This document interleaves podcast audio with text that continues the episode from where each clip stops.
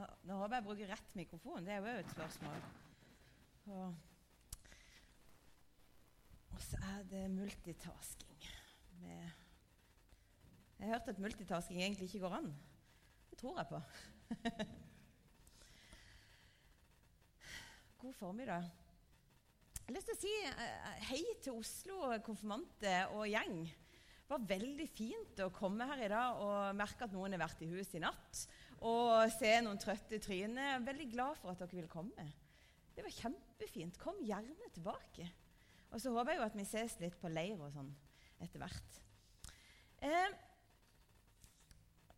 her i kirka så er vi i en serie som, eh, som heter 'Livet med Jesus'. Oi, det er bare her. Det er flott. Eh, og det handler om at denne våren eh, Nå er det jo fortsatt snø ute, så det er ikke vår, men det er vinter. Og vi, vi får se når våren kommer, men visst skal han komme. Men, eh, men dette halvåret skal vi snakke om liv med Jesus.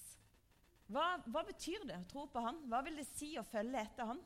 Eh, og til nå så har vi hatt fokus på vennskap.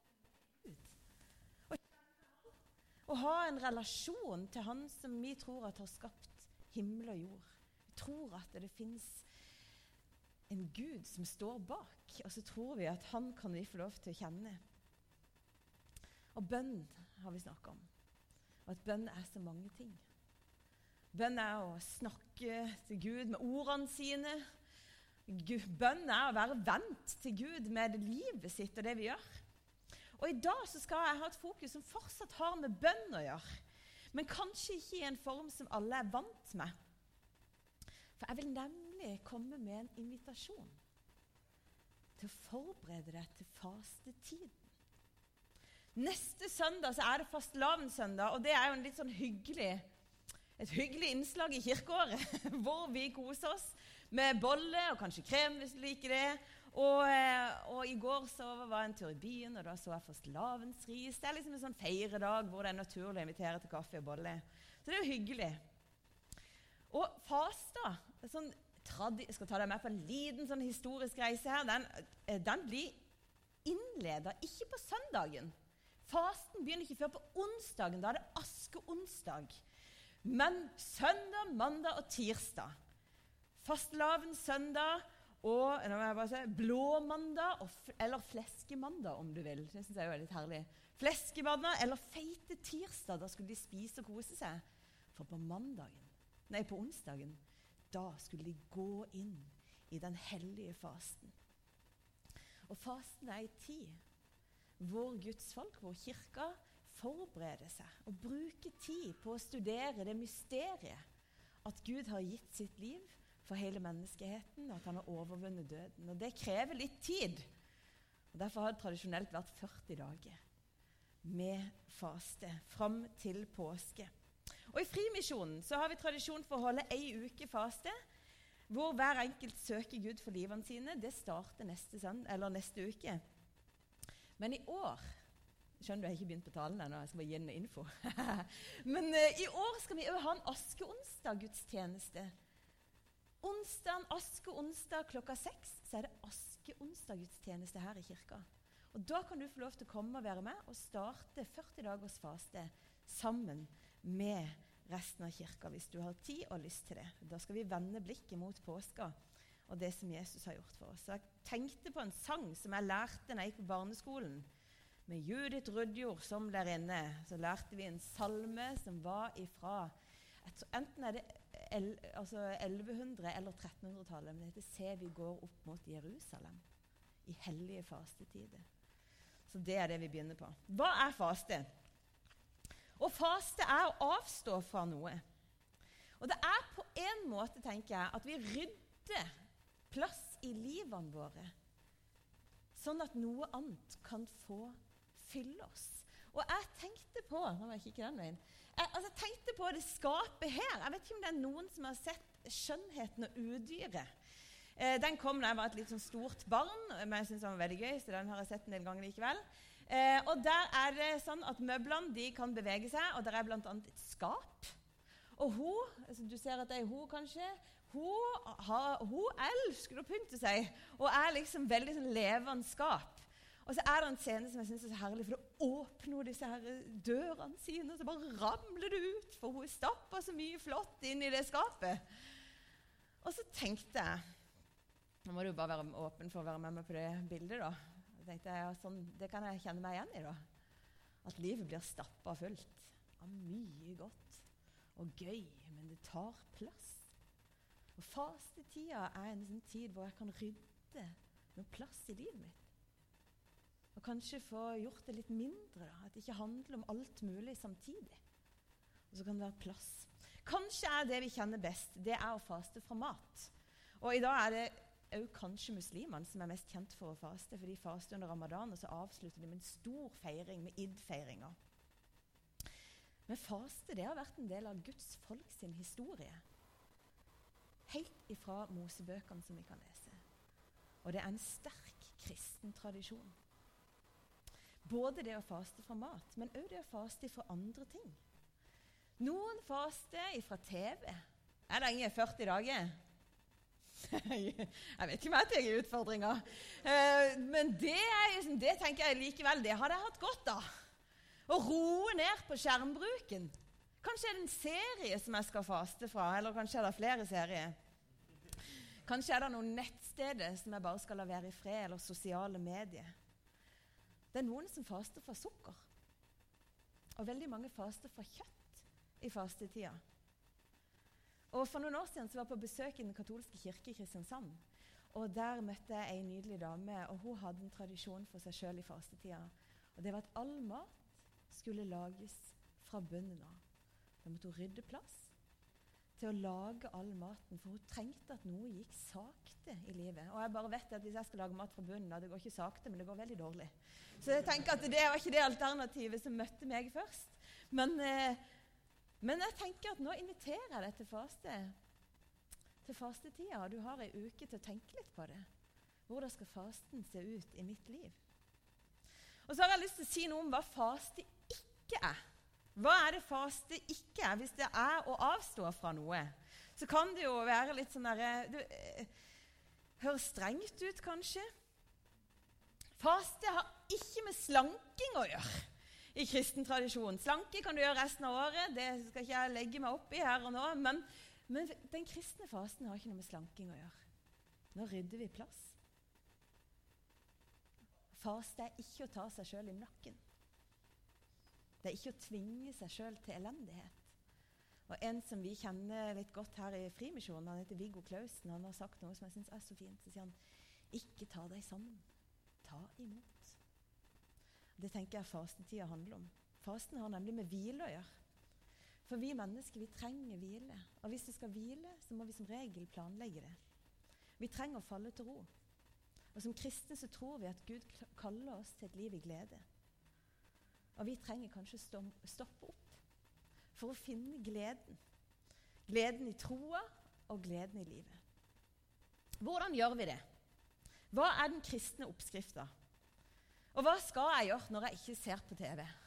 Altså, skjønner du? Plutselig har jeg en del timer til overs. Jeg vet ikke hvordan det er med deg. Vel, vi tror at Guds ord har noe å fortelle oss. Det vil jeg gi plass i den tida. Jeg tror at stillhet og bønn, det med å lytte og kanskje snakke til Gud, at det har noe med dette å gjøre. Og kanskje skal du bruke fastetida til å gjøre kjærlighetsgjerninger. I Isaiah 58 så sier Gud at 'jeg er ikke interessert i en faste hvor dere driver og piner dere sjøl'. Nei, dette er den fasen som jeg har glede i. Og så ramser han opp hvordan vi kan vise omsorg til andre mennesker. Og kanskje skal du erstatte noen timer i løpet av uka di. Bytte ut en serie med å kanskje gi noen oppmuntring eller en hyggelig, hyggelig hilsen eller besøke noen. Jeg har hørt på et fantastisk intervju og har tatt med et uh, utsnitt av det fra søster Anne Lise. Hun er, altså, hun er nonne på Lunden kloster i eh, Oslo et eller annet sted, tror jeg det.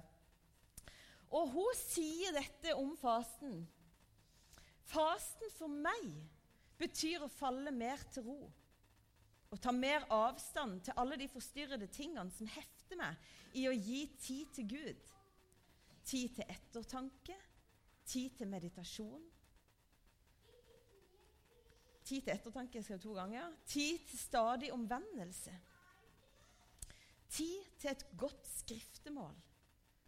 Tid til å forsone meg med de menneskene jeg kanskje har noen konflikter med, hvis jeg har det. I klostertradisjonen snakker man om å falle til hvile. Lytte til Herrens røst. Det å gå ut i ørkenen er å gå ut i ørkenen, skjøvet av Den hellige ånd. Leve med Kristus, som allerede har overvunnet fristelsen for oss, slik at vi, som det står i Salme 90, kan hvile i skyggen av den aller høyeste. Det er en tid for ømhet. Det er en tid for kjærlighet. Profeten Hosea sier, 'Jeg vil kalle deg ut i ørkenen og tale til ditt hjerte'. Det, det er denne privilegerte tiden hvor vi kan flytte til Gud, som taler til vårt hjerte. Ofte får vi ikke hørt det fordi vi har så mye annet å tenke på og stri med i det daglige liv. Og så har vi denne vakre liturgien, altså fa, unnskyld, fasen, hvor alt dreier seg om forberedelse på å ta del i Jesu lidelse, død og oppstandelse. Og så avslutter vi med å si jeg synes fastetiden er årets beste tid. Og det syns jeg er ganske interessant at hun sier, for jeg føler jo på en måte at nonner og de som bor i kloster, de lever jo konstant i faste. Skjønner du? Og så sier hun likevel at nei, jeg syns fasten er den beste tiden. Da roer vi ned. Da har vi oppmerksomhet. Da er det tid. Og Hun snakker om det å faste som det å gå ut i ørkenen. Og Profeten Hosea han skriver derfor vil jeg lokke henne, og vi kan tenke henne som kirken. Lokke kirken. Føre henne ut i ørkenen og tale til hennes hjerte. Det er ganske stor forskjell på å være i en by i forhold til det å være i en ørken. Vi har ikke så mye ørken i Norge. Vi har noen, altså Hvis vi tar eh, Jeg vet ikke om det er mest nærliggende her å tenke på vidde. Men det er så mye som skjer i ei ørken. Der er det tut og kjør. Der er det støy, det er bråk, det er lys. Det er, liksom, det er mange andre impulser som liksom beveger meg i en by. Det er lys i ulike farger. En gang så var jeg på en eh, roadtrip i Amerika. Selveste Amerika. Og da var vi innom noen veldig sånn, ja, store, kjente byer. da. Eh, begynte i San Francisco, og så kjørte vi mot eh, vi kjørte Las Vegas. Og der er det mye lys og mye lyd og bråk. Men på veien til Las Vegas så stoppa vi i Death Valley, som er et ørkenområde i Nevada. Der var det så stille at jeg begynte å grine. Og så skjønte jeg bare hvor sjelden stillhet er i mitt liv. Og jeg skjønte noe annet at det trenger jeg. Jeg trenger stillhet. For når vi går ut av byen og ut i ørkenen, da skrur vi på en måte av noen inntrykk. Hodet og kroppen de er liksom fulle. Det kan det være hvis jeg har vært en tur i byen bare i Tromsø. Liksom, å, herlighet, det var godt å komme hjem. Og så er tida i ørkenen ei tid hvor det er lov å tømme seg. Og Da kan det bli litt plass, og det kan jo oppleves som litt tomhet. Og Nå kommer vi til et eksperiment. For Denne uka så snakka jeg og Maike, hun som var her oppe og hadde noe for barna. Vi snakket om hvor gøy det er å egentlig prate med barn og tale for barn. For vi kan gjøre så mye sånn eksperimenter, teste ut og lage liksom noen sånn variasjoner. Og så tenkte jeg at men det kan vi vel prøve ut med de voksne. Og det kan være at du tenker å, må vi det? Du skal ikke gjøre så veldig mye. Men jeg har lyst til at vi skal gjøre et lite eksperiment på å skru av noen ting. Jeg tenkte at vi kunne lukke øynene. Jeg vet ikke, Du skal bare gjøre det hvis du er komfortabel med det. Men jeg tenkte at vi skulle lukke øynene, og så kan du sjekke hva du legger merke til når du har lukka øynene. Hva skjer det? Hører du noe? Noen som kremter? Vibrerer telefonen din? Hører du pusten din?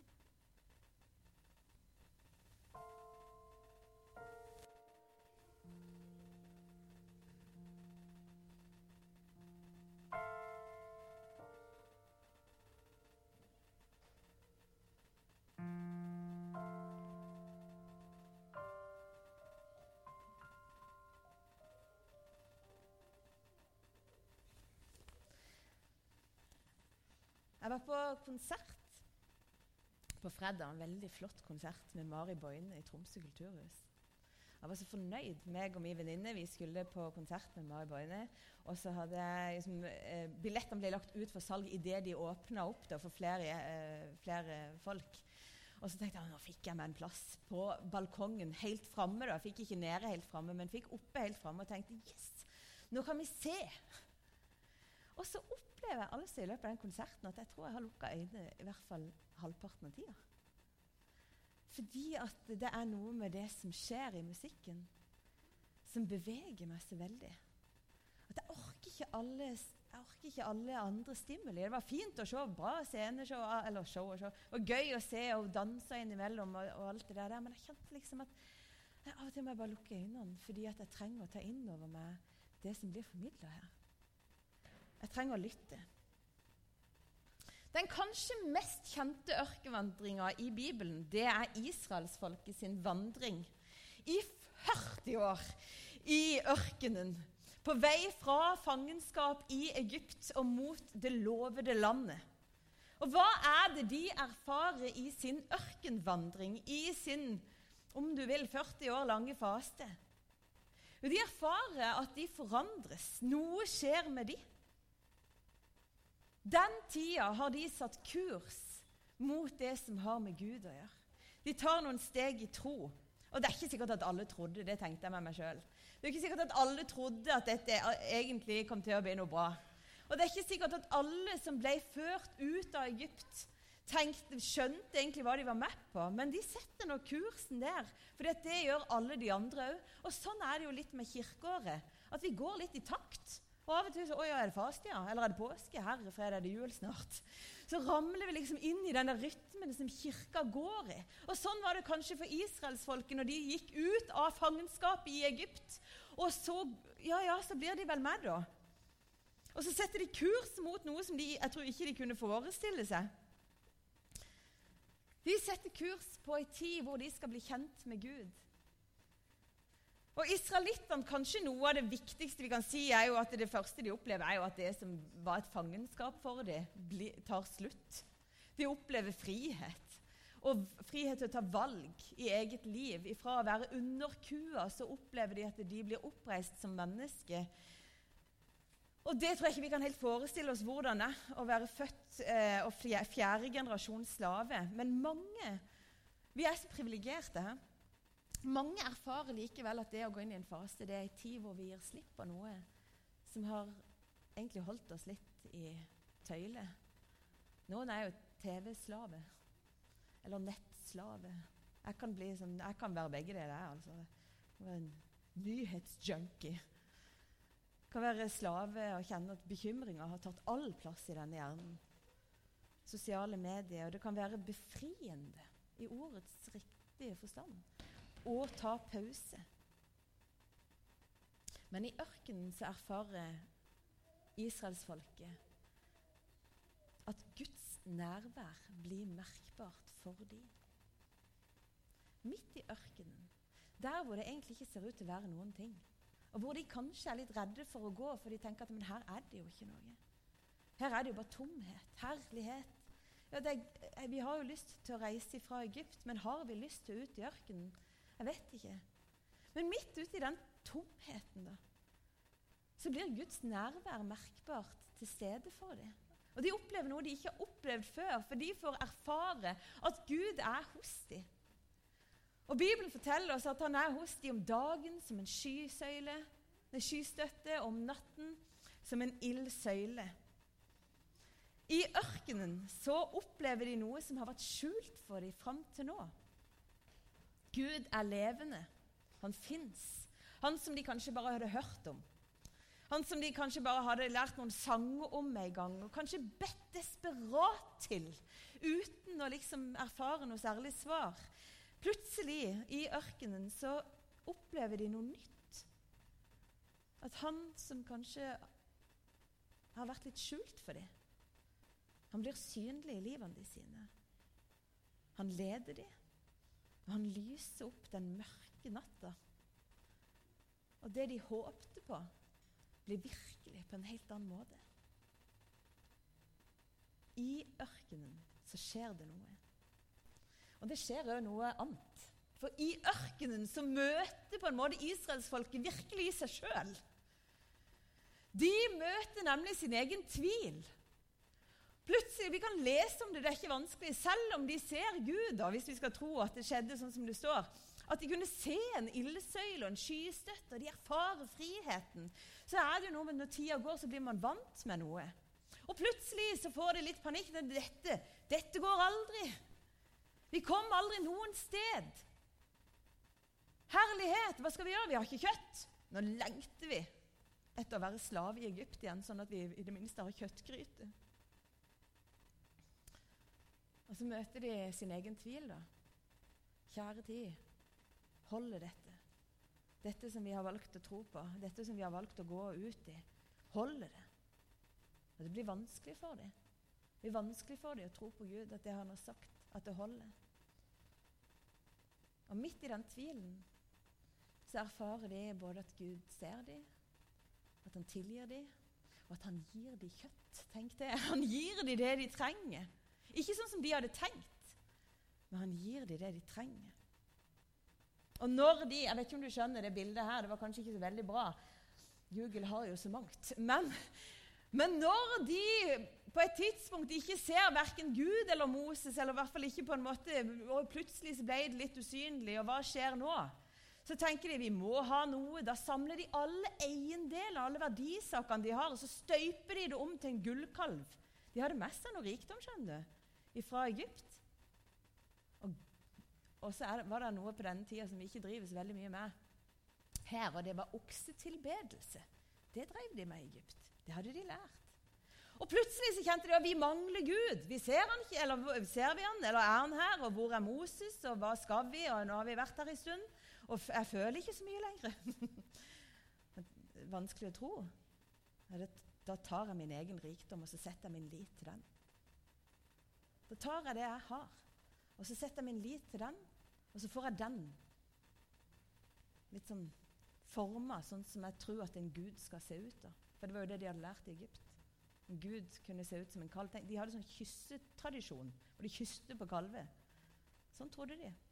At en gud skulle se ut.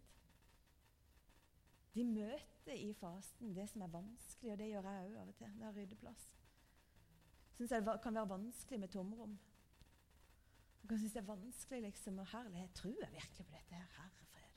Er jeg sikker? Og så må jeg, liksom, så må jeg grave enda dypere. Da. Så må jeg gå tilbake og så må jeg snakke ærlig med Gud om at dette er vanskelig. Syns ikke du er så lett. Og dette, Gud, dette legger jeg i en kategori som det står eh, 'jeg skjønner ingenting' på. Gud viser dem nåde, og han tilgir dem på nytt. Og han viser dem en sånn omsorg. I 40 år så erfarer de at Gud er hos dem.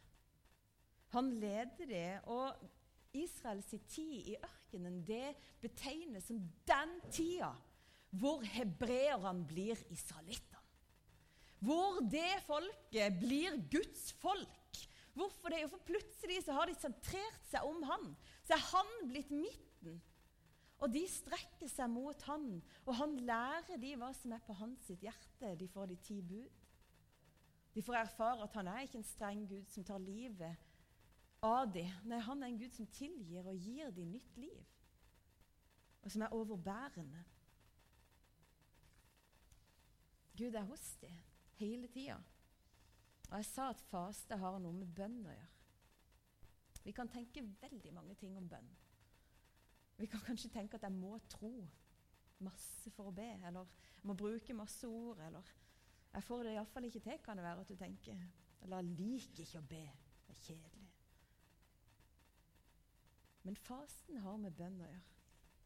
Og En som heter Peter Haldorf, han er svensk retreatleder. Han er forfatter, og så er han også pinsepastor. Han sier noe veldig interessant om bønn. Han sier at bønn det er først og fremst noe som Gud gjør.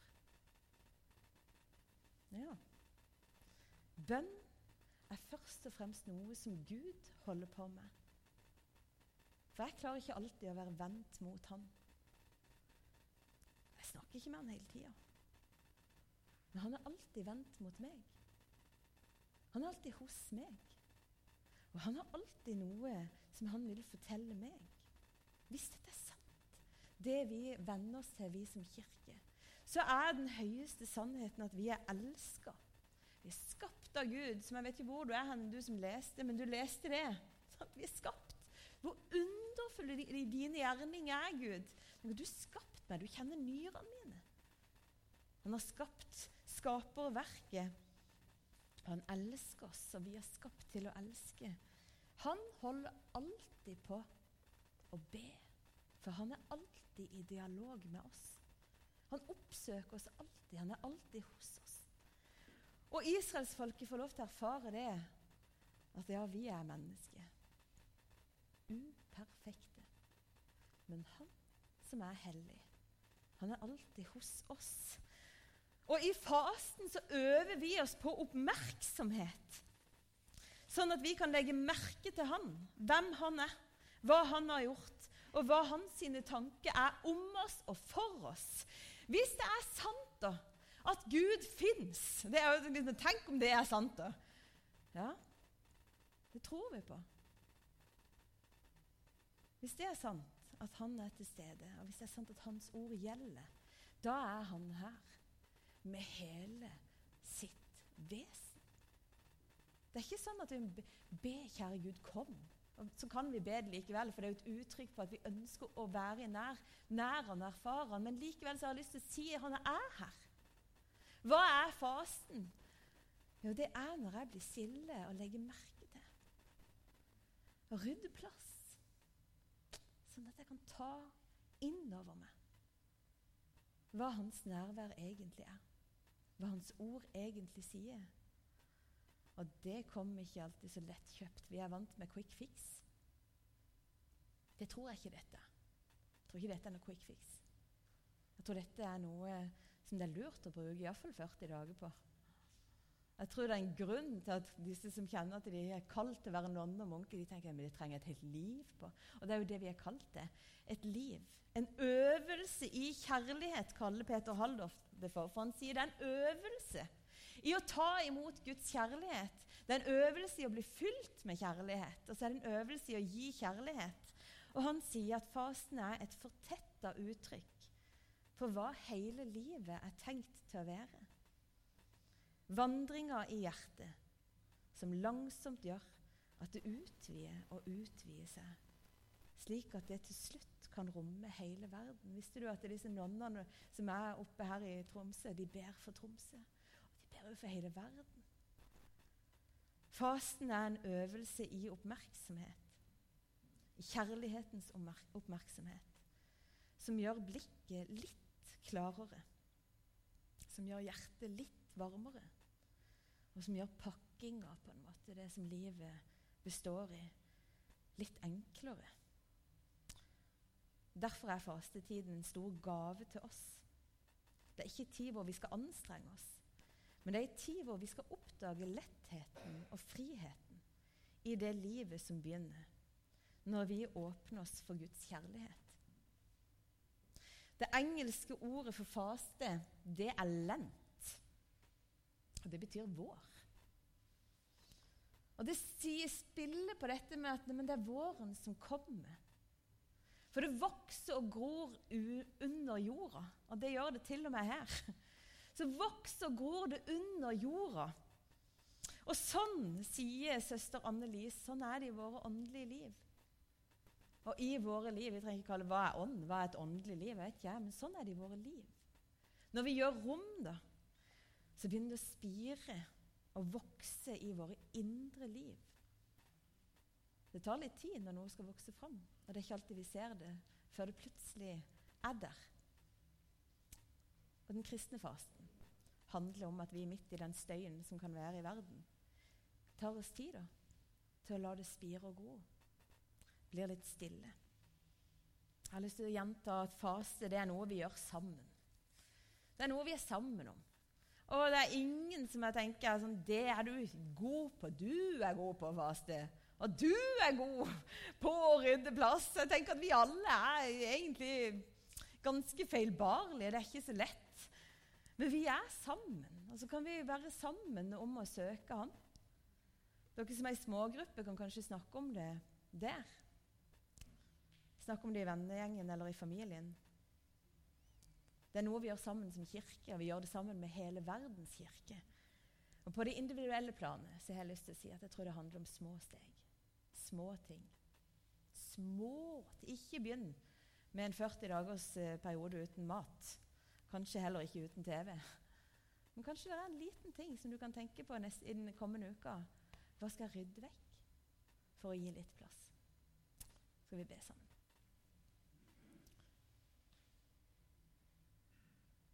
Takker deg, takker deg, Jesus, fordi at du, du har lyst til å fylle våre liv. Du har lyst til at våre liv skal være fylt med glede, med fred, og med godhet og kjærlighet. Og Du har lyst til å lede oss, Herre, og, og du har lyst til å fortelle oss noe. Kanskje du vil fortelle at du er virkelig, eller at du bare er til stede, og at vi er i dine hender sånn som vi er. Må du hjelpe oss, Herre. Må du hjelpe oss, Herre, til å rydde litt plass.